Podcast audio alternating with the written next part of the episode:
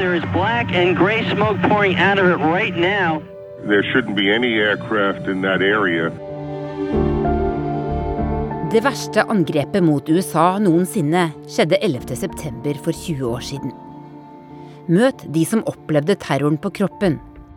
I was covered with all the debris and all the ash. And I'm just so glad that my eyes are still fine. De som havnet i krigen. Det første jeg så i kikkertsiktet, var en afghaner. Han kom inn og var helt fortvila. Eh, han mente at Al Qaida hadde reist. Og de som lever med 11.9 hver dag. De følger med hva du driver, hva du gjør. Hvor skal du fly? Jeg er Tove Bjørgaas.